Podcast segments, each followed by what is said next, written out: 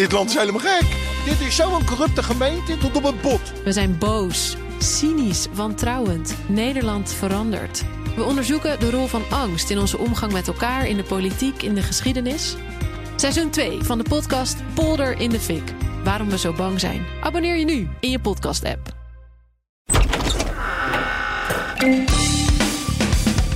Studio Den Haag gaat deze zomer over de versplintering van het politieke landschap. Want alles gaat veranderen met het vertrek van Mark Rutte uit de politiek. Met nieuwe lijsttrekkers bij VVD, ChristenUnie, D66, CDA, Bijeen, Denk, 50PLUS, PvdA, GroenLinks. De samenwerking tussen die twee partijen. Waarschijnlijk de grote opkomst van BBB. Maar één ding blijft hetzelfde. Die versplintering. Tenminste, dat denken wij nu. En we zouden hier drie afleveringen over gemaakt hebben. Dat hebben we ook al gedaan. Maar dit is deel 4 van dat drieluik.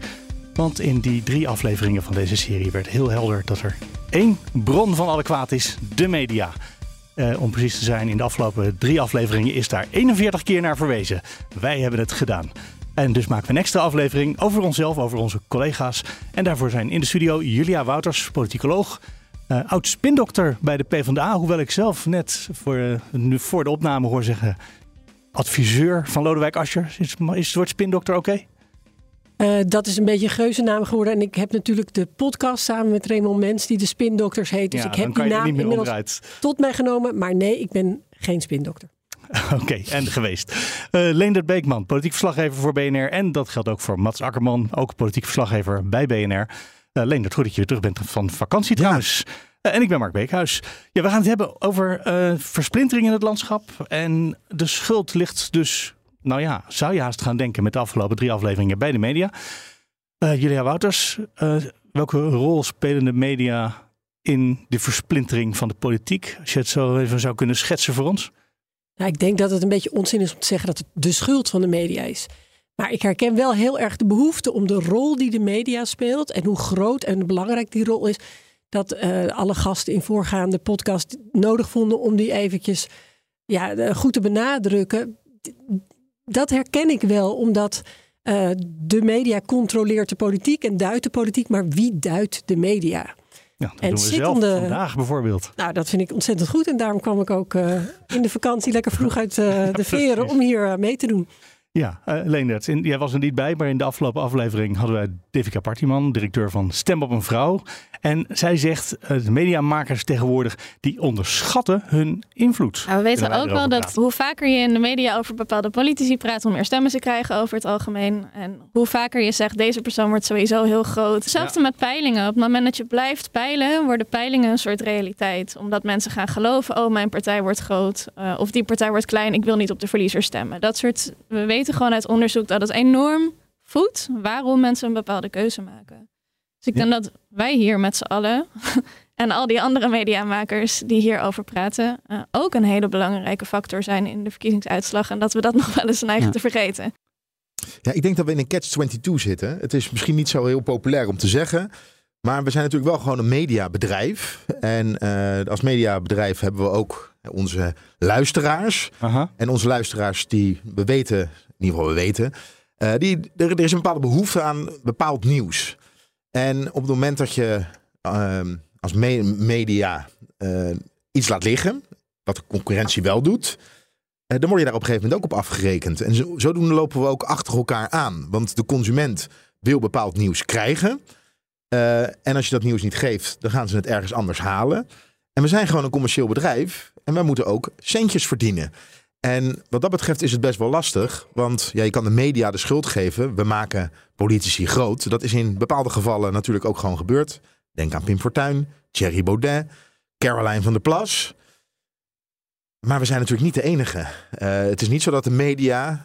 We beseffen ons wel, denk ik, dat de media macht heeft. Maar de alleen macht om een politicus zo groot te maken dat hij bijvoorbeeld, zoals Caroline van der Plas bij de Provinciale Staten, de grootste partij van Nederland wordt. Ik denk dat dat net, net een beetje te veel is om te zeggen. Ja, en het valt me op dat je allebei media als enkelvoud gebruiken. Terwijl ik ben heel ouderwets waarschijnlijk. Oh, ja. Maar ik vind media een meervoud. Want het maakt nog uit dat is ook voor waar. de Linda ik schrijft. Maak die fout altijd. Of de sorry. Telegraaf. nou, maar heel Nederland doet dat. Ja. Maar het is natuurlijk, het maakt nogal uit. Oh, je zegt we lopen allemaal achter elkaar aan, Leonard. Maar Ja, dan dat is hoeft het- natuurlijk niet. Nee, het hoeft niet. En we hebben ook voor de verkiezingen hebben we hier met elkaar afgesproken. We gaan het over de inhoud hebben en niet over de poppetjes. Maar dat is, dat is heel erg lastig. Om een voorbeeld te geven. Gisteravond stapt Hans Huibers, de voorzitter van eh, het CDA, stapt op. Ja, daar ga je het de volgende ochtend wel over hebben. En dan wil je het. Maar ik had nog nooit van de man gehoord. Dus als je tegen mij had gezegd, Precies. de voorzitter van het CDA stapt op, dan had ik dan weet ik Precies. waar het gaat. Maar toch is het, moet je even gaan duiden. Hè, waarom is het eigenlijk belangrijk hè, dat deze man opstapt? In ieder geval, wat, hè, wat maakt dit eigenlijk uit voor de verkiezingen? De aankomende lijsttrekker die gepresenteerd wordt op maandag. Uh, daar kan je wel bepaalde duiding aan geven zonder het alleen maar over de poppetjes te hebben. Maar je komt er wel snel terecht. En ja, dat maakt het wel heel erg lastig. Want we willen het namelijk over de, over de inhoud hebben. En dan hebben we ook de afgelopen tijd vandaag weer allemaal politici gezien die hun vertrek aankondigen. En, en dan lees ik vaak daarin terug. Ja, het gaat te veel over ons, over, de, poppetjes. de poppetjes, en te weinig over de inhoud. En dan denk ik, ja, maar op het moment dat je Kamerlid bent en jezelf zo belangrijk vindt dat je op Twitter een afscheidsbrief moet gaan publiceren en vervolgens alle media daarover te woord gaat staan. En dan gaat zeggen, ja, maar het gaat te veel over de poppetjes. Dan denk ik, ja, dan mis je ook wel een klein beetje de zelfreflectie. Ik zie... Ja. ja. En verwijs naar de, de afscheidsbrief van Sjoerd Sjoerdsma. Bijvoorbeeld. Van D66. Die nam deze week na elf jaar, of nou, hij neemt nog niet afscheid, maar hij gaat afscheid nemen na de komende verkiezingen. En hij schreef er inderdaad aan de ene kant media maken er te veel soort sportverslaggeving van. Hè, dus wie wint er en wie verliest er. En het is te veel op de, de persoonscult. Dus het gaat alleen maar om poppetjes en niet om inhoud. Ja, ja dat is wel dezelfde Sjoerd Sjoerdsma die heel erg baat heeft om zijn verhaal in de media af en toe kwijt te kunnen. Om de kiezer aan te spreken. Maar hoe ga je daarmee om in de verslag? Negeren, want het is een poppetje en daar zouden we het niet meer over hebben? Ja, of een vraag over stellen, want hij zat dus kort na de publicatie van zijn brief bij ons in de uitzending. En dan kun je hem dus ook bevragen op, nou, wat vind je dan dat de media fout doet en hoe kunnen we dat oplossen? En ja, dan kwam hij met een verhaal over de inhoud en wat hij voor elkaar had gekregen en wat hij nog vond dat er moest gebeuren de komende jaren. Ehm, maar het is ook denk ik wel een feit dat politici kunnen niet zonder de media. Ze zoeken ons ook wel echt heel erg op. En dat zal zeker in de campagnetijd nog meer gaan gebeuren. Ja, jij hebt het al meegemaakt meer, de vorige campagne. Ja, maar wat we ook zien, ik vond wel een leuk voorbeeld tijdens de vakantie. Henk Nijboer stapt op en ik las dat. En degene waarmee ik op vakantie was, vroeg ik, weten jullie wie Henk Nijboer is? Nee. Dus eigenlijk kan je dan afvragen, het is een kleine steekproef, maar is dit relevant nieuws? Maar kennelijk wordt het toch als relevant nieuws gezien. En misschien dat, je, dat wij ons die vraag toch wat vaker kunnen stellen. Ondanks dat het een gewaardeerd Kamerlid is, hè? Maar... Hebben wij te veel over, over poppetjes? Nou, kijk, um, ik pak hem even terug, die catch-22 waar je in zit. Daar zit de politiek met de media samen in. Hè? En iedereen draagt daar individuele verantwoordelijkheid in. Dat is het ingewikkelde. Dus uh, politici weten hoe ze de aandacht van de media moeten krijgen. Ik kan me wel herinneren dat wij wisten: oké, er moet iets anders in het onderwijs. Krijg je totaal geen aandacht voor. Hoe krijg je media-aandacht? Door een strijd te beginnen met iemand, een prominent, een schoolbestuurder. Uh, er moet iets uh, schuren en dan komt de media. En dan heb je, als je mazzel hebt, de kans om ook wat over de inhoud te vertellen. Dus wij, wij waren ook altijd bezig om te kijken: oké, hoe kunnen we het voor de media interessant maken? En daar zitten altijd. wij willen mensen natuurlijk. Want het, gaat om mensen. Niet alleen mensen, maar um, dit is mijn idee. Saai. Maar uh, dit is mijn idee en dat is anders dan die idee. Die idee is slecht. Ah, interessant. Um, maar het vervelende is, wat je ziet gebeuren, is dat je hoort politici alleen nog maar vertellen over waarom andere politici hun uh, ideeën slecht zijn. En dat gedeelte, want hier ben ik voor en zo wil ik het, dat valt dan weg. Dus je blijft eindeloos. Het is een soort van touwtrekken waar je steeds dat touw een centimetertje de een of de andere kant uit probeert te krijgen. En ik vind wel dat elke journalist en ook elke politicus heeft gewoon individuele verantwoordelijkheid om te kijken hoe ga je daar zelf mee om. En ik snap ook voor BNR, weet je, jullie zijn een commerciële omroep, dus um, uh, ja, dan, dan ben je meer geneigd om te geven wat het volk wil. Um, maar de publieke omroep is daar veel minder afhankelijk van. En die doen het ook. Het klinkt namelijk heel slecht. Uh, het is ook helemaal geen populair standpunt om, om te uiten. Want uiteraard willen we inhoudelijke journalistiek uh, journalistieke verhalen willen we brengen. Uh, maar je hebt wel nog rekening te houden met wat je luisteraar wil horen. En dat is soms heel erg lastig. Zeker als er relletjes in Den Haag zijn. Dan gaat het vaak toch echt over de rel. En niet wat er inhoud, zit. Ja, wil de inhoud nog wel eens ondersneeuwen. En dat maakt het wel heel erg lastig. Ja. Ja. ja. Maar wat uh, Devika Partiman zei, en ik quote, media onderschatten hun invloed, journalisten schatten hun invloed. Is dat waar? Of hebben we dat misschien eigenlijk best wel door, maar hebben we besloten om het uh, te accepteren dat we die invloed hebben? Nou, ik, kijk, ik denk dat de meeste media uh, wel weten dat ze machtig zijn, maar niet heel erg stilstaan bij de verantwoordelijkheid die ook bij die macht komt, bij die macht hoort. Mm um, en dus inderdaad, als jij uh, vooral altijd heel erg geïnteresseerd bent in wat is er nieuw, wat is er anders, dan, dan komt er dus heel veel aandacht op ja, nieuwe mensen op het politieke uh, podium. Um, en die worden dan met heel veel interesse en openheid bejegend. Van nou leuk, interessant. En als ze dan nog een beetje mediageniek zijn, dan zijn ze de flavor of the month. Dan mogen ze overal aanschuiven en vertellen over hun hobby's, over hun huisdieren, over of ze wel of niet van hoge hakken houden. Um, en uh, dan speciaal is het, voor de geest nu? Uh, nee, nou ja, kijk, uh, jij, Leonard noemde ze al allemaal één voor één. Van, we weten het ook, maar ook van al zittende partijen, als ze een nieuwe lijsttrekker krijgen, dan is het ook, uh, zijn we heel erg geïnteresseerd in de persoon. En dat is niet raar. Nee, dus ik zeg niet, op iemand. Ah, toch? Ja, maar je wil ook weten, wat zijn de ideeën? Ja. Hoe, hoe wil je die... wat voor soort persoon dat is? Of je iemand je auto zou uitlenen, bij wijze van spreken, of niet? Ja, dat is relevant. Maar uh, wat het moeilijke is, wat er pas gebeurt, het moment dat iemand verkozen is, en die is dus in de media opgestuurd tot grote hoogte, zonder veel kritische vragen en allemaal, we zijn allemaal. Uh, al, ja, ik zeg dan we, want ik ben natuurlijk ook zelf journalist geweest. Dus ik voel me in beide vakgebieden nog een beetje verantwoordelijk. Um, uh, we zijn allemaal bezig met kijk hoe leuk, kijk hoe anders, kijk hoe nieuw. En dan het moment dat iemand gekozen is, dan gaan we kritisch kijken. Wat zit er eigenlijk achter? Hoe zit het? En dan gaan we iemand weer kapot maken. Want dat is het spelletje. En ik denk, uh, laten we reëel, dat, dat, dat probeer ik ook echt altijd te doen. Het zijn mensen inderdaad. Het is mensenwerk. Ze hebben uh, menselijke verlangens, menselijke twijfels. Heel belangrijk om dat te blijven zien. Het zijn niet een soort van robots die je opwint en dat er dan gebeurt wat je wil.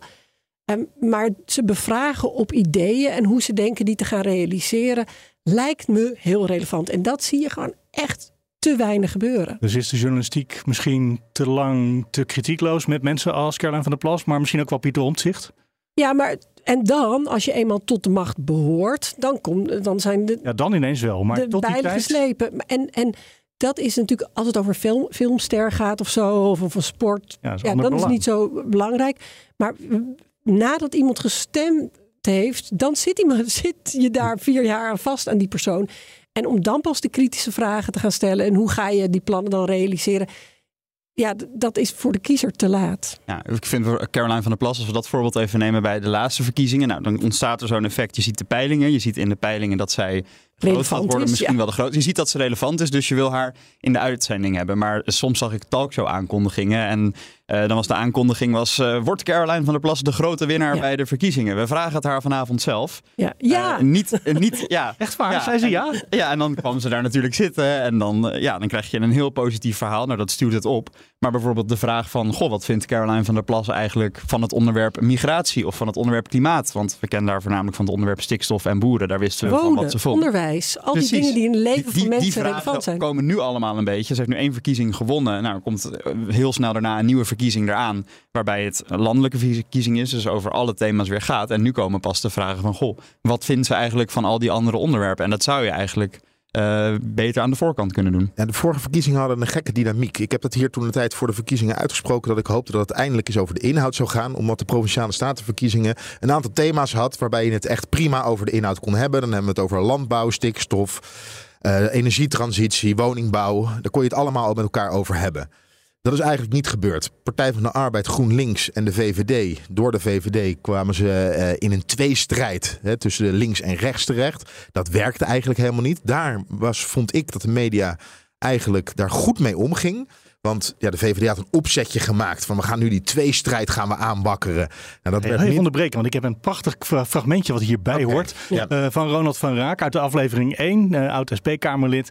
En inderdaad, hij uh, beticht ons ervan dat wij alles willen versimpelen tot een tweestrijd. Je hebt de parlementaire democratie, waar je veel stemmen hebt, uh, veel partijen. En je hebt de mediademocratie. En de logica van de media is dat je problemen terugbrengt tot een eenvoudig probleem. Het liefst tussen twee personen met een eenvoudige keuze.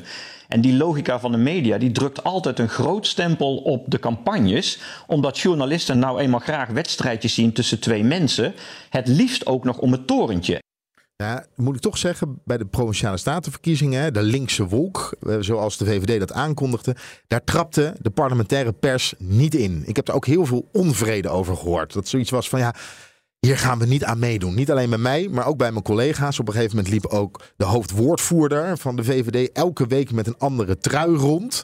Waarop hij een, uh, een populistisch tekstje had over uh, de linkse wolk. Dat je die belastinggeld zou, of in ieder geval extra je geld zou komen halen. Daar werd niet uh, in meegegaan. Maar waar, waar ik naartoe wil is, we konden het over de inhoud hebben. Maar waar gingen de vorige verkiezingen eigenlijk over? Dat ging over het gebrek aan vertrouwen in de politiek. En wantrouwen was de motivator voor mensen om naar de stembus te gaan. En wie uh, vertegenwoordigde dat? Hè, dat geluid, dat was Caroline van der Plas. Caroline van der Plas vertelde, we weten nog, wisten nog niet precies waar ze voor stond. Maar waar ze wel voor, voor staat in ieder geval, is het adresseren van het wantrouwen. Hè, dat gevoel adresseren. En dat, daar weet ze dus uh, een snaar te raken bij de kiezer. En dat en, was dus en heel bij ons dus kennelijk ook. Ja, uh, maar ook we hebben ook bij Caroline van der Plas, ook hier op de redactie, van nou, we hebben wel even genoeg Caroline gehad. Ja, ik, maar ik, mijn kritiek is niet dat zij veel aandacht kreeg. Want zij, uh, zij deed iets wat anders was. Zij raakte daar een snaar bij de bevolking. Um, en dus is zij relevant. He, zij deed goed in de peilingen. Dus ik zeg niet, nodig haar niet uit, want het is veel Caroline van der Plas. Nee, ik snap die mediadynamiek. Alleen inderdaad, vanavond mag Caroline van der Plas uitleggen wat haar, het geheim van haar succes is. dus als je mee wil doen met de grote, dan moet je ook uh, je verantwoorden van wat zijn je ideeën verder. Dus dat is heel fijn dat ze dat gevoel heel goed uh, ja, kan kapitaliseren, zou ik zeggen. Dat, dat, mhm. dat, is relevant en, en, en belangrijk en dat verdient veel media-aandacht. Maar dan komt daarbij de vraag: oké, als je straks de grootste bent, stel, en je hebt dus eh, de, de, ja, je gaat een rol spelen in de Eerste Kamer, dan wordt het dus ook relevant om te weten. Maar wat vind je dan van hier? Hoe ga je dat dan anders doen? Nou, dan heeft toch de journalistiek het daar wel laten afweten? Vind ik wel. Dus ik, ik, ik ben niet uh, verbaasd of verbolgen dat ze veel aandacht kreeg. Uh, waarop? Um, maar je moet dan ook denken: oké, als we dus de hele tijd iemand zo groot maken, dan moeten we ook iemand uh, ook als zodanig gaan bevragen en niet pas achteraf als je er maar pas zit. Ja, en toch heb ik ook gehoord, Caroline van der Plas heeft nog maar één zetel. Dat is het enige voor de Provinciale Statenverkiezingen, één zetel in de Tweede Kamer. Uh, op het moment dat we haar constant gaan bevragen uh, over zaken waar ze eigenlijk nog helemaal niet over gaat, maak je haar ook groter dan dat ze eigenlijk is.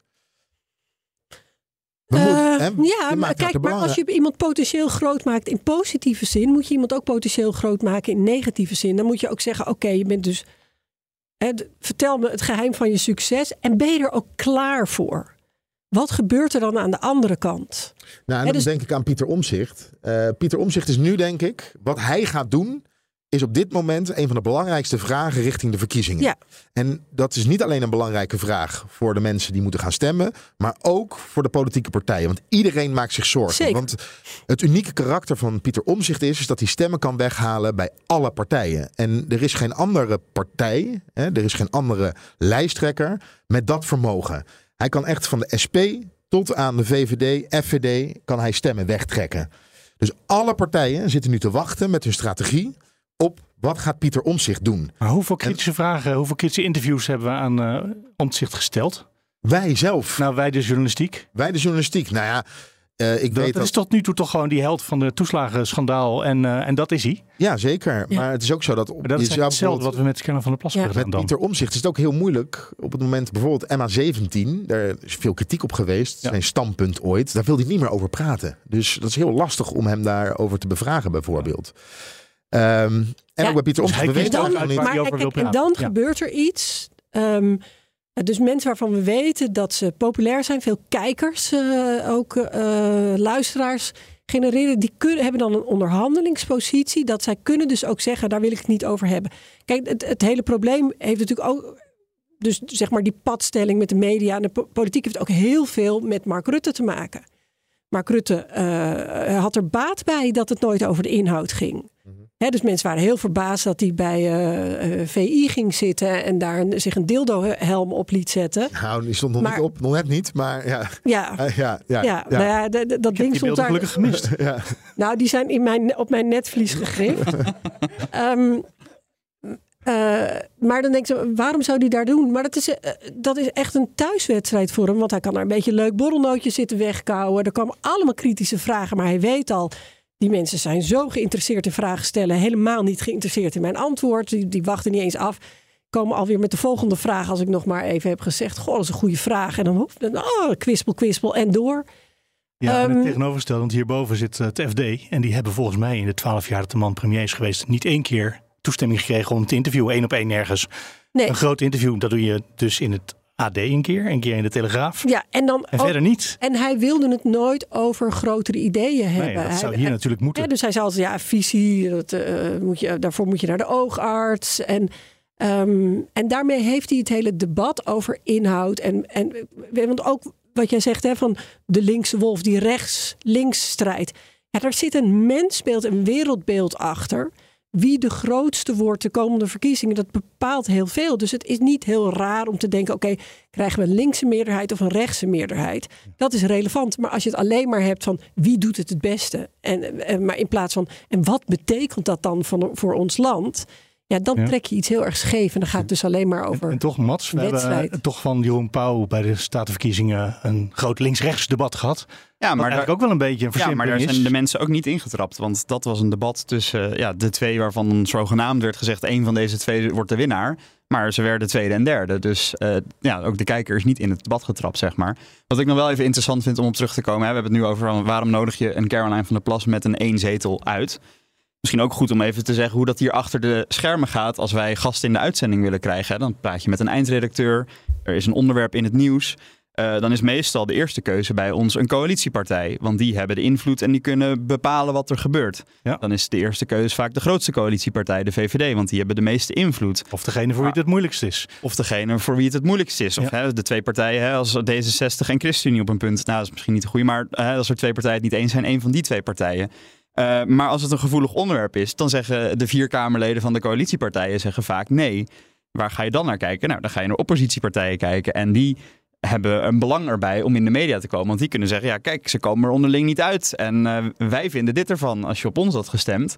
Eh, dus soms word je ook een soort van noodgedwongen. Kom je dan uit bij bijvoorbeeld iemand met één zetel of drie zetels. Omdat de grotere partijen op dat moment ja, niet je te woord willen staan daarin. En je moet toch je uitzending Maar vullen. ik vind ja. dat je dat moet benoemen. Hè, dus ehm, ik, ik ben één keer eerder te gast geweest in deze podcast. En toen heb ik gezegd, er zit heel vaak een belang achter lekken. Journalisten denken altijd, dat is mijn noeste arbeid. Dat een politicus heeft gekozen om bij mij te lekken. En ik weet van achter de schermen, dat is heeft niks met hoe aardig of hoe goed jij bent als journalist. Maar gewoon het medium waarvoor jij werkt. De lezers, de doelgroep die jij bedient. En het onderwerp. Daar kiest een politicus op. Vandaag lieg ik. Eh, lieg ik. Lek ik bij Vandaag jou. lieg ik bij jou. Ehm, Slip of the tongue. ja, dat was een Freudiaanse verspreking. Eh, en journalisten denken te vaak dat ze iemand dronken kunnen voeren of kunnen charmeren of zo. En dat dat bepaalt dat iemand bij jou gelekt heeft. Dat zal gerust af en toe gebeuren. Maar dat zijn dan mensen die zitten nog te laag in de food chain. Die hebben een klein beetje kennis. En die zijn vooral bezig met: kijk eens, ik ben belangrijk, want ik weet ook iets. En als je het echte grotere lekken gebeurt toch op een ander niveau. En ik vind dat je eh, als journalist heb je ook een verantwoordelijkheid om te zeggen: oké, dit komt uit die hoek. Je hoeft niet eh, te zeggen wie precies, maar je, je moet een beetje zeggen: oké, niemand van de coalitie wilde hierop reageren, dus we hebben nu iemand van de oppositie uitgenodigd. Jij wil, wilde maar wat graag re- reageren. Waarom? Eh, dit hebben we een lek. eh, nou, dat komt uit ongeveer die hoek. Die hebben ook dit belang daarbij. Omdat, hoe zie jij dat? Dus als journalist moet je natuurlijk proberen om het verhaal van zoveel mogelijk kanten. Eh, Hebben we ook recent gehad met de, nou, waarop het kabinet is gevallen, hè, de crisis over het migratiebeleiid. Er waren drie avonden op rij crisisoverleg, woensdag, donderdag, vrijdag. En woensdag was die avond dat nou ja, Rutte was uitgevallen. Wat je dan hoort in de media, want niemand van ons zat in die kamer terwijl Rutte een kop koffie tegen de muur smijt of wat hij ook heeft gedaan. Ehm, maar Leonard en ik zijn toen alle coalitiepartijen afgeweest om te kijken van nou, hoe hebben zij Wat allemaal beleefd? Wat hebben jullie gehoord? Uh, en bij de VVD kwam inderdaad het verhaal van, nou, we hebben helemaal niks geks gedaan. En uh, ja. iedereen weet hoe wij in deze discussie staan. En ja, het is misschien een beetje hoog opgelopen, maar er is niks nieuws gezegd. En vanuit de andere drie partijen kwam toch echt wel van, nou, uh, wij werden overvallen door wat hier is gebeurd. Ja, en dan dat is de informatie waar je het mee moet doen. En die hebben jullie allebei ook benoemd, denk ik. Ja, we hebben het ook in, de, in de podcast kijk, ook heel duidelijk altijd... gehad over hoe dat spinnen gegaan is. Hè? Ja, dat... Kijk, ik zit hier niet om jullie twee aan te tijgen. Oh, helemaal nee, niet. Ook, uh... Dus kijk, iedereen heeft individuele uh, afwegingen en ook een individuele verantwoordelijkheid. En of je bij de publieke omroep of de commerciële, het zijn allemaal weer andere. Ik, ja, ik heb het dus over de media in enkelvoud. Uh, mm -hmm. Terwijl er allemaal individuen zitten die hard werken en hun best doen en zo. Maar, ja, maar het is ook een systeem natuurlijk. Ja, het systeem zit. Ja, en, en dat is toch wel belangrijk om, om dat er naar te zien. En, en niet te snel zeggen: zo hebben wij toegeprobeerd. En wij hebben dus wel degelijk ons best gedaan. Want dan kom je er nooit. Ik heb, politici weten ook altijd precies waarom ze iets gedaan hebben. En dat is ook het gevaar van de Haagse bubbel. Hè? Dat je op een gegeven moment te veel begrip krijgt waarom het gaat zoals het gaat dat het toch ook belangrijk is om af en toe even naar achteren te leunen en te denken, toch best raar. en het is lastig, want ik, ik werk nu een jaar als politiek verslaggever bijna. Um, en mensen vragen dan vaak van hoe is het? Lijkt me een superleuke baan. En uh, wat ik dan. Dat is het ook. En dat is het ook. En dan zeg ik ook: het is een ontzettend leuke baan. Maar wat ik er ook wel vaak bij zeg, is dat als ik het Tweede Kamergebouw uitloop dat ik me vaak best wel een beetje uh, leeggezogen voel. Omdat alles wat mensen tegen je zeggen, van wie het ook komt, je moet er altijd de vraag bij stellen: zit er nog een belang bij? Er werken ook een paar mensen in de Tweede Kamer, die ken ik nog uit mijn studententijd, werken bijvoorbeeld voor partijen. En zelfs met die mensen met wie ik normaal s'avonds gewoon prima een biertje zou doen, zit ik op dat moment te praten en denk ik van ja. Jij zegt dit natuurlijk nu wel tegen, maar ook als vriend, wij kennen elkaar. Maar er zit misschien toch ook nog een soort ergens een beetje partijbelang of een spin. Of dus uh, je moet bij alles wat er wordt gezegd, ja, iedereen heeft een agenda. Je moet bij alles wat je hoort, moet je nadenken en dat verwerken en daar een soort van voor jezelf chocola van maken. En dat is wel, uh, ja, dat is af en toe wel uh, pittig. En ook soms denk je achteraf, dit heb ik niet goed gedaan of niet goed gezegd. Ik zat in de uitzending, dit heb ik te stellig gezegd en dit blijkt toch genuanceerder te liggen. En dan baal ik ook echt wel dat ik denk van ja, ik heb misschien toch iets te, te snel onder de tijdsdruk dit verhaal uh, vertelt. En dat, ja. Uh, ja, daar leer je ook weer van. Maar... Ik wil nog even naar een fragmentje van uh, ook de eerste aflevering. Dat was met Marieke van der Velde. die was toen te gast en zij stuurde erg aan op dat media altijd conflicten nodig hebben. Dat is dus ook om simpel te houden en om het compact te kunnen vertellen. Want de conflict snappen we meteen. En dat dat soms ook wel erop uitkomt dat je daardoor de mensen misschien misleidt als journalisten. We weten dat de media, bedoel, kranten verkopen of ook alle andere vormen van media verkopen als er een soort van conflict is. Daardoor houden we ineens premiersdebatten. Dat zet mensen echt een beetje op het verkeerde been. Ik bedoel, we, hebben, we kiezen helemaal geen premier. We verkiezen vertegenwoordiging in de Tweede Kamer. Maar als je iets noemt een premierdebat, dan gaan mensen dat wel natuurlijk geloven. En vanuit de partij is het natuurlijk slim om jezelf te legitimeren. Van ik ben echt de uh, geboren leider. Dus dat is gewoon een campagnetrucje. Ja, hier zit mooi trouwens ook het belang van de, waarom politici meedoen met deze uh, eigenlijk iets wat misleidende uh, aanpakken. Uh, Julia Wouters. Dus... Ja, nou, kijk, het is, uiteindelijk is het heel belangrijk om te begrijpen dat als politicus, hè, je kan nog zo hard werken en nog zulke fantastische ideeën hebben. wij noemen dat altijd, je, niemand heeft er wat aan als jij je perfecte pirouetjes in het donker staat te draaien. Uiteindelijk heb je de media nodig om te laten zien wat je doet. En als je uitgenodigd wordt voor een premierdebat, ja, dat is uh, super. Want dan word je op een, op een, op een ja, weet je, zo'n zo, zo'n tweestrijd.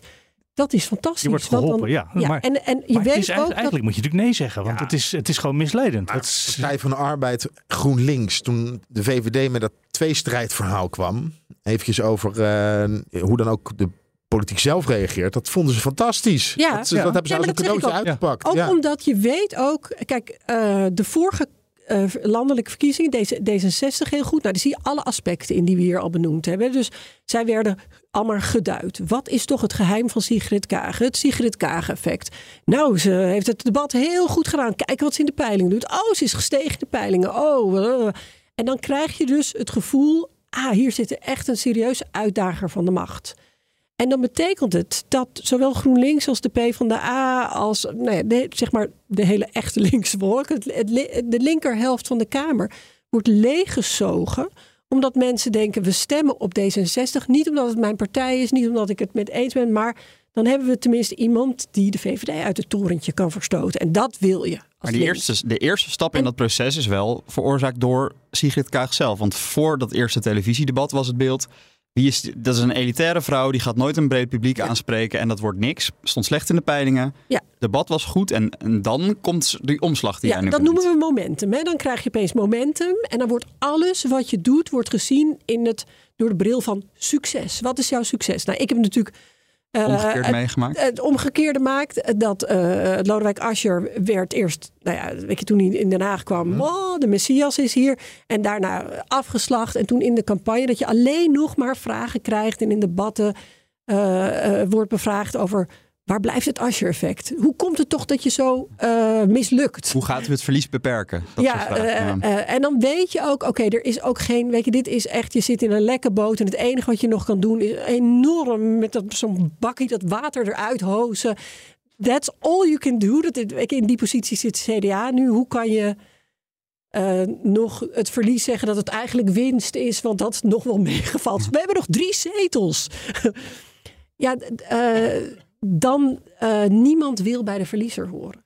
Terwijl je misschien wel hele goede mensen kan hebben. Of hele goede ideeën kan hebben. Of, eh, en ja, de, politiek speelt daar natuurlijk hartstikke ook hun eigen rol in mee. Alleen daar hebben we het vaak over. Waarom de politiek vervuild is. Alleen nog maar stuurt op beeldvorming. En de rol van de media daarin. Dat moeten wij nu even doen hier. In dit zweterige hockey. Eh eventjes eh, over de, de inhoud. De, de campagne gaat waarschijnlijk over migratie Zes en asiel. Wie en- zegt dat? Eh, nou ja, daar gaat in ieder geval de VVD gaat daarop inspelen. Daar kunnen we in ieder geval. Ja, dat maar gaan zij kijk, als, nu zij doe je, de- kijk, nu doe je ja, maar goed.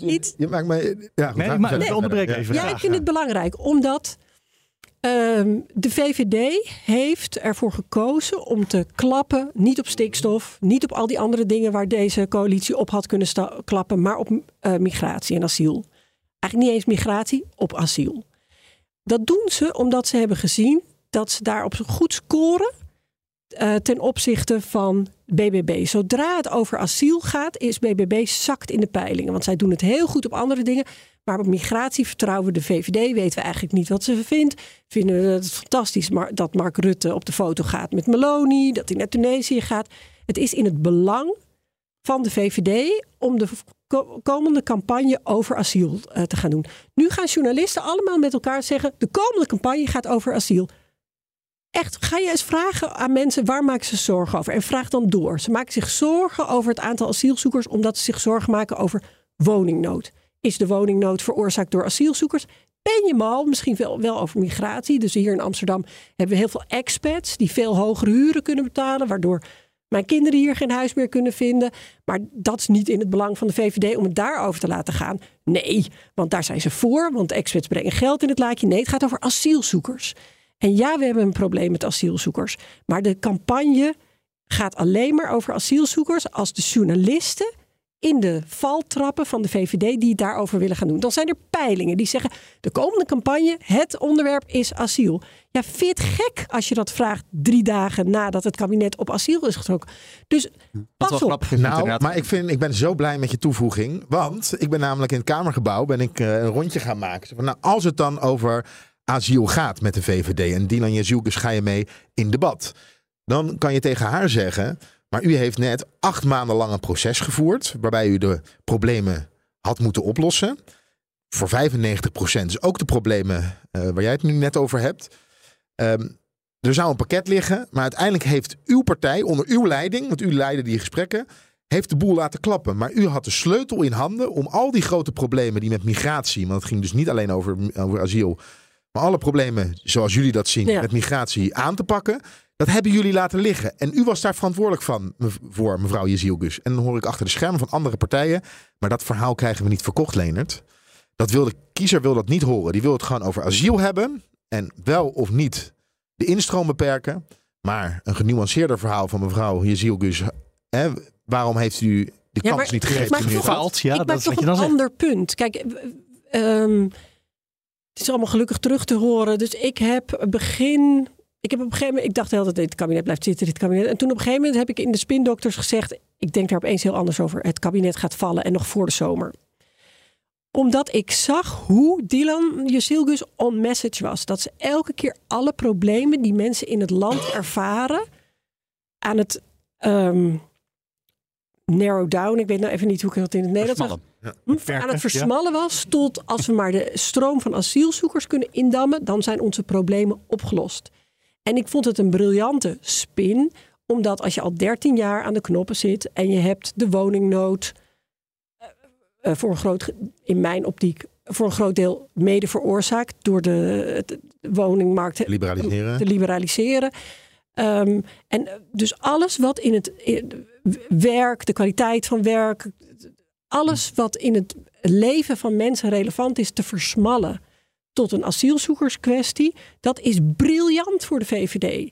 Want die kunnen net doen alsof al die problemen in het land ontstaan zijn omdat die andere partijen maar niet mee wilden werken met het eh, eh, beperken van de, de. En dus je hoeft ze nooit meer verantwoordelijk te stellen. Het was altijd zij wilden waar, maar het lukte niet omdat niemand mee wilde werken. Stem nu op mij, dan lukt het miraculeus nu opeens wel.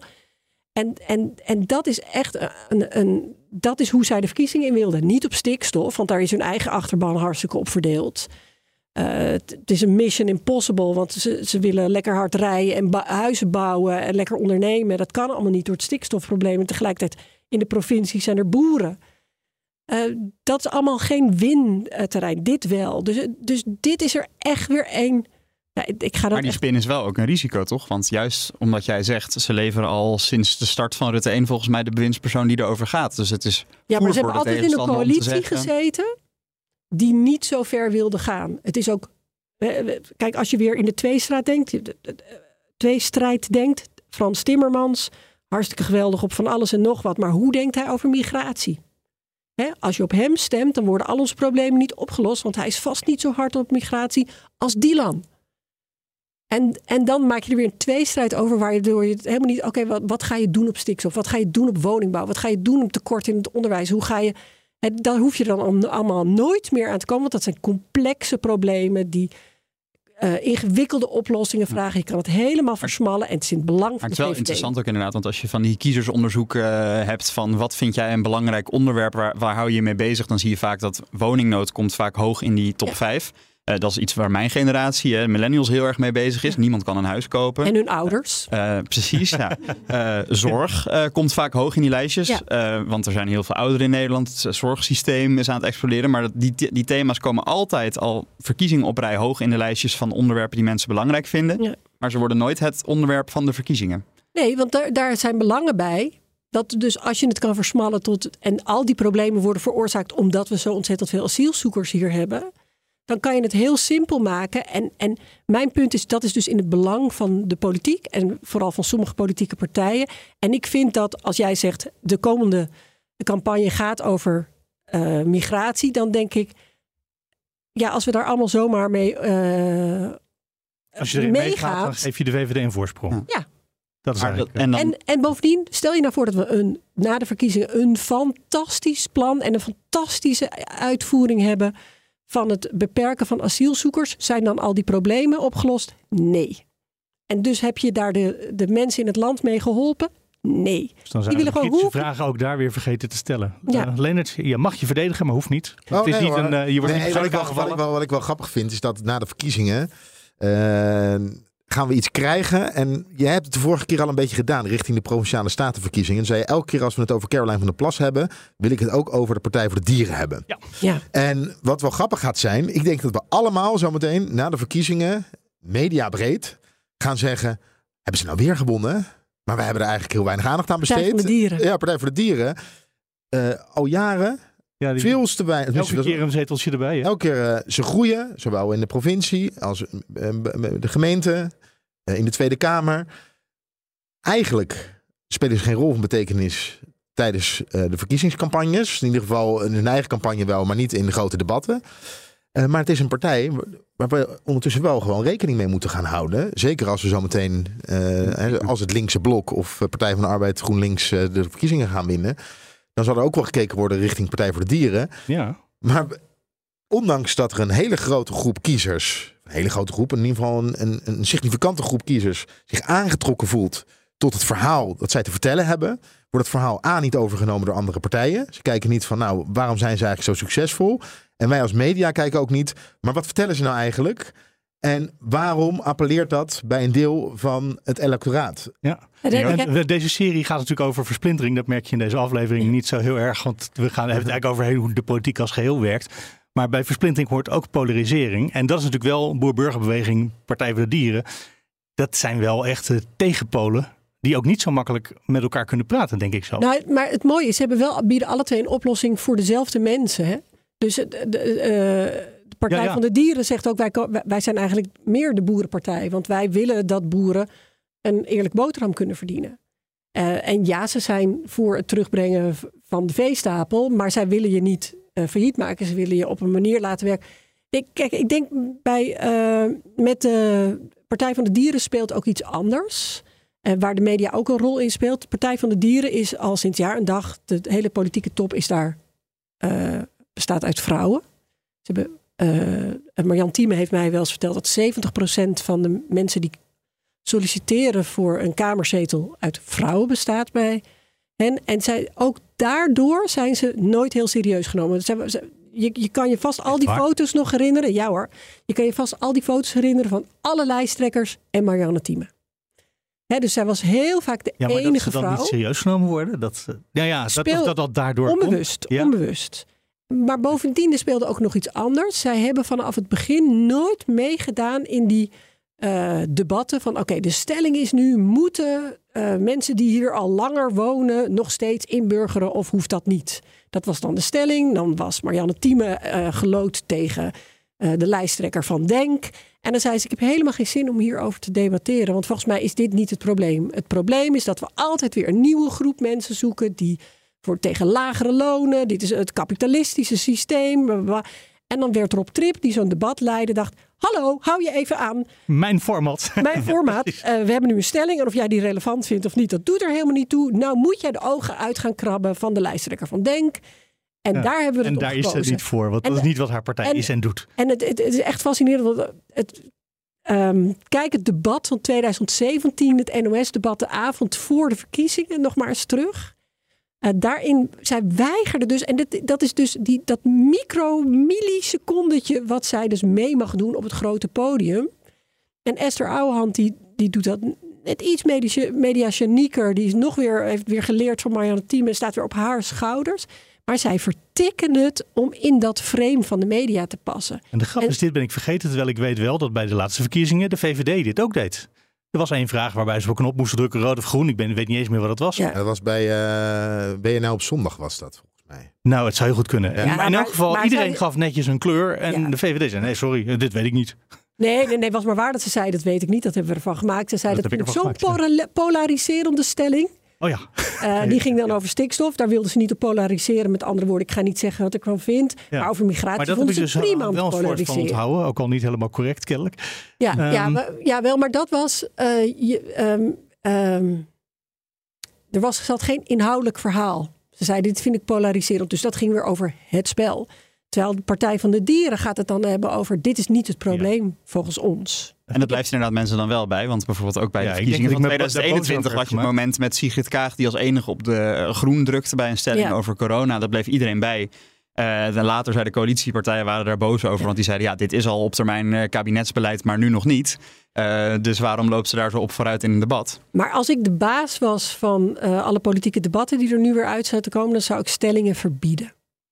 Maar dat is ook nog wel interessant Maar, ja, over maar die debatten. wel? Ja, zie je. Ehm, er, er zijn ook wel debatten. Hè. We hebben het over woningmarkt, is belangrijk. Er worden ook wel door de media hè, organiseren een woningmarktdebat. Met alleen maar woningmarktwoordvoerders. Ja, Maar dat trekt weinig kijkers. En bij die grote tv-debatten zie je vaak dat de, de politici zelf ook nog de stellingen mogen aanleggen. Dus je wordt geloot, jij moet tegen die. En bij je ene loting mag jij het onderwerp aanleveren. Bij je andere loting ben je afhankelijk van je tegenstander. ja, en je gaat dus altijd een schijntegenstelling. Dus je bent afhankelijk van tegen wie je gelood bent. En dan moet je net doen alsof je het oneens bent op iets. En dat, dat vond ik ook al fascinerend in de verkiezingen. Dat er opeens best veel vrouwen meededen. Dus dat was Kaag tegen Ploemen. Eh, dat die ook weigerden om net te doen alsof ze het over iets eens zijn. Dat, dat heeft ook te maken met dat we het onprettig vinden om te kijken naar twee vrouwen die elkaar de ogen aan het uitkrabben zijn. Dat vrouwen dan ook als onsympathiek gezien worden. Terwijl bij mannen accepteren we het makkelijker. Uh, maar ik denk uh, dat zeg maar mannelijke lijsttrekkers daar ook wel wat van zouden kunnen leren. Want heel vaak doen we net alsof we het heel erg oneens zijn met elkaar. Terwijl het op hoe ga je dat dan uitvoeren of zo. Ik, ik, ik, heb nog heel veel herinneringen aan alle debatten de, die Lodewijk Asscher tegenover Emiel Roemer toen nog moest doen over hoe we uh, de eigen bijdrage in de zorg wilden gaan afschaffen. Daar waren twee verschillende ideeën over hoe dat moest. Maar dat dat moest, of dat dat zwaar beperkt moest worden, daar waren ze het over eens. Ja, dan vind ik het veel leuker om te weten, oké, hoe ga je elkaars plannen versterken? In plaats van. Even terug naar uh, nog weer een fragmentje uit aflevering 1 met Ronald van Raak was dat. En uh, hij zei uh, toen, dat past erg bij waar we nu zitten ook. Journalisten die moeten ervoor zorgen dat er weer een ideologisch debat wordt gevoerd. Al die debatjes op de televisie en op de radio over standpunten. En dan moet je ja of nee indrukken en dan krijg je 45 seconden. Ga zo'n politieke leider eens doorzagen. Ga die eens in een podcast een half uur lang of een uur lang doorzagen over zijn of haar manier van denken. Hoe kijk je tegen de dingen aan? Ik denk dat dat voor mensen buitengewoon interessant is. Maar ik denk ook, er zijn heel veel mensen in Nederland die dat echt niet interesseren. Die echt niet een heel ideologisch debat van een uur of een interview of van een podcast van een uur gaan luisteren of een heel verkiezingsprogramma gaan lezen. Daar ben ik het niet mee eens. Dat is maar net hoe je het doet. Kijk, politiek, ideologie is niet abstract, is juist heel persoonlijk. Dus je kunt mensen ook een heel persoonlijk verhaal laten vertellen over wat hen beweegt, over wat ze hebben meegemaakt, over waardoor ze zijn beïnvloed. Dat kun je heel persoonlijk maken. En dan krijg je toch inzicht hoe iemand denkt. Je zit heel erg in stemmen te knikken. Ja. Kijk, ik vind ten eerste, niet elke kiezer is erin ge geïnteresseerd. Dat is uh, waarschijnlijk zijn de meeste kiezers uh, vinden het leuker om naar een soort van um, populariteitscontest te kijken. Dat ontslaat je niet van de plicht om te bieden wat toch een flink aandeel van de kiezers wel interesseert. Mensen weten niet op wie ze moeten stemmen. Steeds meer mensen gaan maar helemaal niet meer stemmen. Of doen inemine mutten in het uh, hokje, omdat ze denken... ja, ik zou wel een tweedehands auto van jou kopen. Met jou wil ik wel bier drinken. Uh, heel leuk dat je zo leuk met je vrouw omgaat... en dat je kinderen elke avond voorleest. Maar waar sta je nou eigenlijk voor? Ja, dat, dus dat dus we kunnen mensen wel in de politiek betrekken... Uh, maar het maakt het stemmen niet makkelijker. Dus en, en ideologie, ik zei net al, Mark Rutte had er baat bij om het er nooit eh, daarover te laten gaan. Als je zei, ja, je bent neoliberaal, dan zei hij, oh, ik weet eigenlijk helemaal niet wat dat betekent. Terwijl dat weet hij echt wel.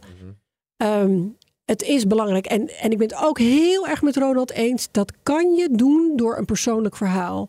He, dus ik weet de mooiste gesprekken en interviews kon je met Lodewijk Asscher doen als je het ging hebben over zijn Jood zijn en zijn overgrote opa in de Joodse Raad en hoe hem dat gevormd had. En zijn moeder. En welke die, beleidskeuzes daar nu uit voortkomen? Omdat het, er komt een enorm kompas en een anker uit voor. Dan weet je dat wat er ook gebeurt, dat waar hij altijd voor zal vechten en welke dingen die minder belangrijk vindt. En hoe, hij, hoe het komt dat hij bij de PvdA zit en niet bij de VVD, waar toch veel Ashers ook terecht waren gekomen. Ik vind dat Ronald van Raak hier ook wel kort door de bocht gaat. Want ja, het is namelijk een heel kort stukje geknipt snap uit de aflevering van drie kwartier. Snap ik. Maar hij zegt eigenlijk, ja, um, politiek kunnen we alleen maar via one-liners in de media volgen.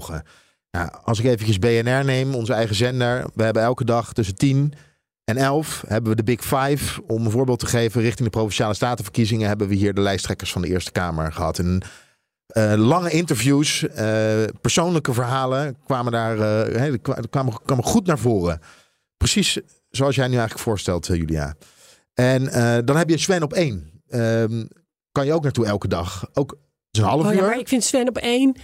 Kijk, ik denk dat wat wij heel erg zijn gaan verwarren is kritisch en cynisch. Dus. Um... Ja, maar de langere interviews, waar in ieder geval, of je nou zijn stijl leuk vindt of niet, maar wat dat iets verder gaat dan alleen maar one-liners, die zijn echt wel te vinden. Jawel, maar de, de, heel veel van die langere. Kijk, bijvoorbeeld uh, de reeks bij Nieuwsuur, die is heel erg Supergoed was dat. Uh, vonden mensen heel goed. Ja, was het ook? Ik vond het niet goed. Nee? Helemaal niet goed. Wat deden ze daar ook weer? Omdat ze waren vooral heel erg bezig om mensen onderuit te halen. En ik wil uh, ook heel graag dat je begrijpt hoe ingewikkeld het is om een idee ook tot uitvoering te brengen. En ik wil dat je iemand bevraagt waarom lukt het niet. Je hebt dit vorige keer gezegd, wat gebeurt er? Waarom is het niet? En dan heeft iemand een goed antwoord of een slecht antwoord. En als iemand een slecht antwoord hebt, dan ga je doorvragen. Maar Nieuwsuur was eigenlijk een reeks van. Op het einde wist je dat je op al die mensen niet ging stemmen, want het waren allemaal eikels en trutten. En ik weet niet of je daar de kiezer nou zo bij helpt. Dus het was altijd oké. je hebt eh, allemaal fantastische dingen gedaan, maar hier heb jij een zwakke plek. Nou, dan hebben wij iemand die daar slachtoffer van was. Die gaan we dan, eh, en dan kijken we hoe, daar heb jij je niet op kunnen voorbereiden. Dan gaan we even kijken hoe je daarop reageert. Ja, Eh, dat, dat laatste snap ik trouwens wel, want politici zijn er natuurlijk meestal zin om geen antwoord te geven, om alles te ontwijken, Ja. om helemaal van tevoren af te spreken wat er wel en niet gevraagd mag worden. Ja. Dus als je dan een keer de kans hebt dat je zegt, nee, maar nu gaan we het ontregelen, dan is het Ja. waarschijnlijk wel bij journalisten een reflex die heel erg verklaarbaar is door de opstelling van de politici. Snap ik heel erg. En de opstelling van de journalisten komt weer omdat ze altijd aangevallen wordt. Er is nooit een, een open vraag. Nee, dat, ik moet niet nooit en altijd Ja. zeggen. Dat, dat, dan doe ik niemand recht. Maar in ieder geval, alles is ze zijn heel erg bang. Omdat het ze te vaak is overkomen dat er een cynische, kritische... ehm, eh, op je intenties word je aangevallen vraag komt. Ehm, en dus zijn ze heel defensief. Zijn ze alle risico's aan het uithalen. Nou, Ja. Dan hou je elkaar in een wurggreep, die wordt niet goed. Mijn oplossing zou zijn... ik vind dat we naar town hall debatten moeten. En dan dus niet voor geproduceerde burgers, maar op onderwerp. Inderdaad, oké, dit is het over wonen. Dit is over al die dingen die mensen raken.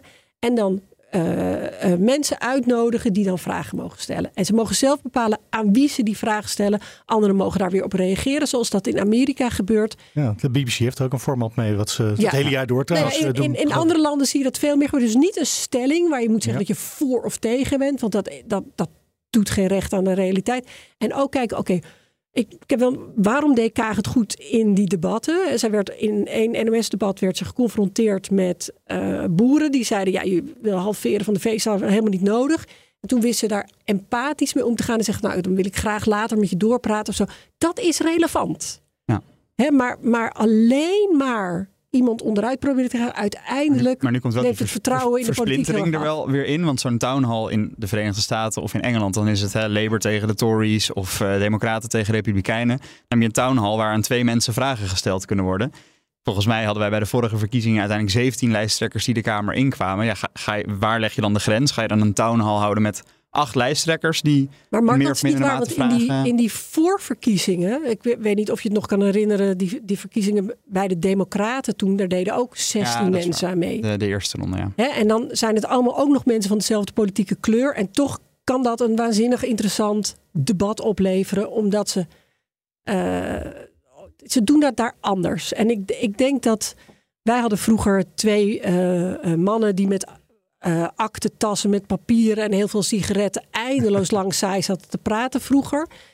Ehm, ik ben blij dat, dat, we, dat dat ons niet meer aangedaan wordt. Maar we, zijn, we hebben het nu wel heel erg snappy. En, Ja, eh, en inderdaad, wat je zegt, politici die praten met burgers is altijd wel het, het meest interessant om te zien. Want Ja. hoe, hoe Rutte tegen Wilders moest debatteren, ja, dat was na, na 13 jaar ook wel gewoon een bepaalde truc. ja. En dan gewoon een, een, bijna een toneelstukje wat je kon uittekenen wat er gezegd ging worden. En een burger moet je Rutte serieus nemen, maar Rutte maar tegenover een, niet. maar Ja. Rutte tegenover een toeslagenouder was heel interessant om Ja. te zien. Ja. Wat gaan we anders doen bij deze komende verkiezingen, Leendert? Nou, dat heb ik in het begin niks. van de podcast al gezegd. Eh, op, op We gaan, inhoud. het zelf, we gaan het wel op inhoud doen. Ja, we gaan het op inhoud eh, gaan we het doen. En het zal wel moeilijk worden, want het worden namelijk verkiezingen.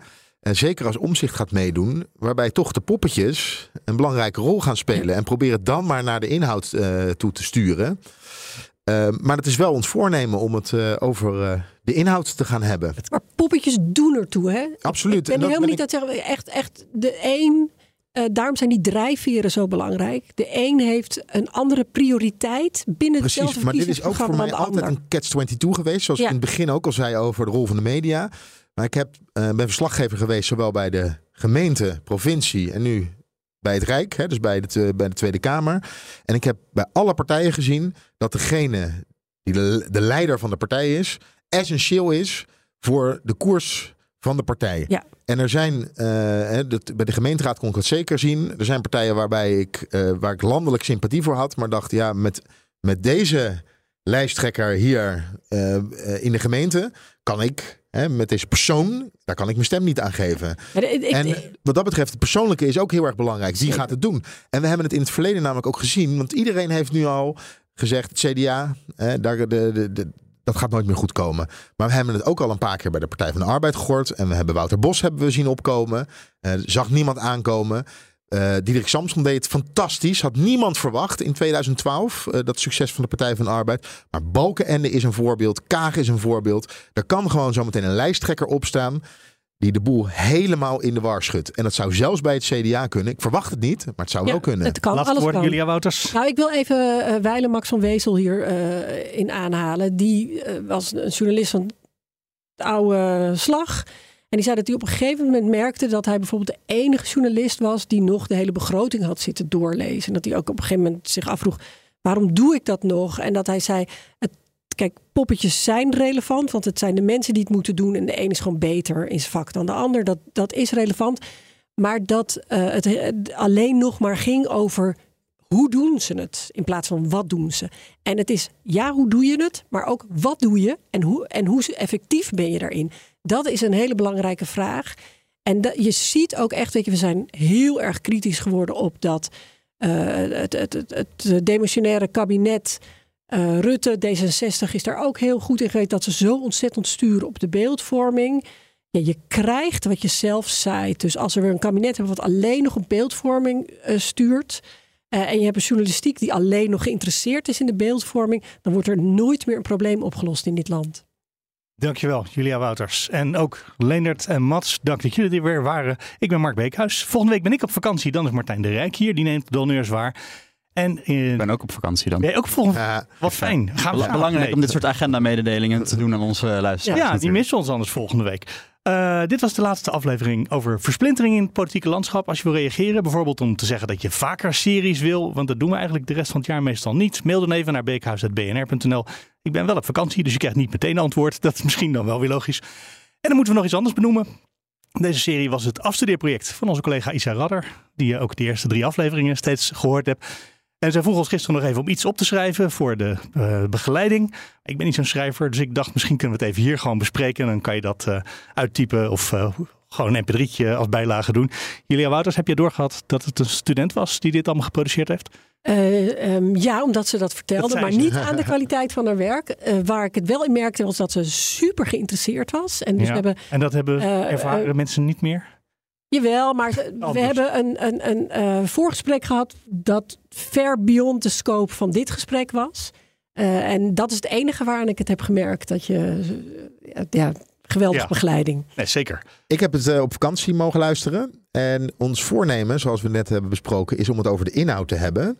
Eh, dat is in ieder geval wel gebeurd. Het zijn vier hele inhoudelijke. Dan moet ik, ga ik ook oordelen over de podcast waar ik nu zelf in zit. Ja, mag. Ja. Maar het zijn vier hele inhoudelijke podcasts geweest, uitzendingen. Eh, dus eh, chapeau. Ja, ik was voordat ik politiek verslaggever was coördinator voor de provinciale statenverkiezingen, voor Prinsjesdag, dus jij voor de gemeenteraadsverkiezingen. werkt, ja. En ik mocht dan altijd iemand uitkiezen om daarvoor ook het redactiewerk te doen. En dat heb ik al die keren met Isa gedaan, omdat ik weet dat zij altijd eh, kwaliteit levert. Dus eh, Ja. van mij hoeft ze dat niet meer te horen, maar ik zeg het toch. Oké, nou ja, en inderdaad, het was gewoon prettig werken met Isa. Eh, meteen bij het beginnen, want je pitchte deze serie. En wat ik al zei, dit hoort helemaal niet in deze podcast, want wij doen nooit series in deze podcast. Maar je hebt ons ervan overtuigd en dat was een goed idee. En eh, vervolgens gingen we aan de slag met wat moet dan het thema worden. En daar hebben we ook heel veel over gesproken, over wat een goed idee was. En op de achtergrond merkte ik dat je twee, scha- twee borden aan het schakelen was. Want er was ook jouw begeleider bij de opleiding.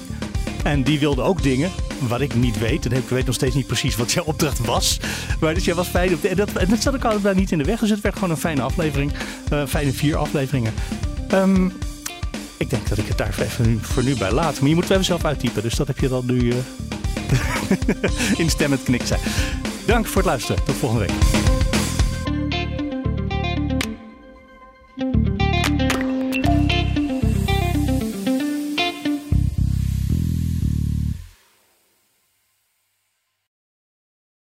Ook Diana Matroos vind je in de BNR-app. Ja, inderdaad. Je kunt live naar mij luisteren tijdens de Big Five.